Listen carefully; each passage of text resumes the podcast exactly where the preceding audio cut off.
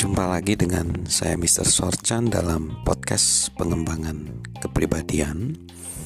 Saat ini kita akan membahas tentang kapasitas kreatif gimana mau ditambahkan ya, yaitu kita juga harus merasa nyaman atau mau ya merelakan prestasi di masa lalu. Kapan terakhir kali kita mengatakan selamat tinggal kepada hal yang kita kerjakan dengan keras, tetapi tidak lagi berhasil di saat ini.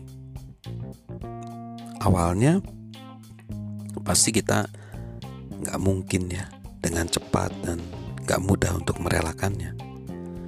Namun seiring berjalannya waktu, kita bisa terus berjalan dan merelakan karena kita telah belajar beberapa hal. Kita bisa lebih mudah merelakan sesuatu bila mendapat hal lain yang lebih bagus. Kita tidak merelakan hanya karena perlu merelakan. Kita merelakan karena hari esok nampak lebih baik daripada kemarin. Kita biasanya terlambat memotong kerugian.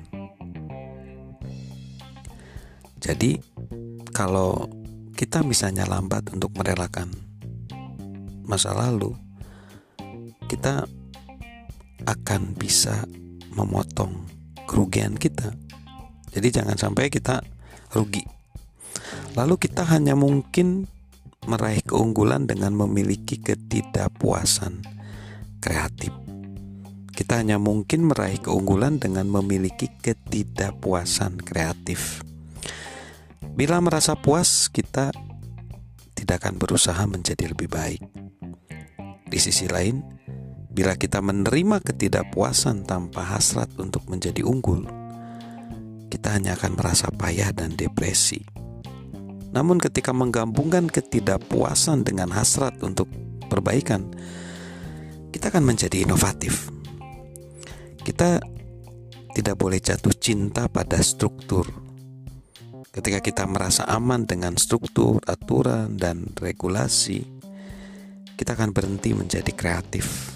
Kita tidak bisa mencintai, menyatukan struktur sekaligus kreativitas.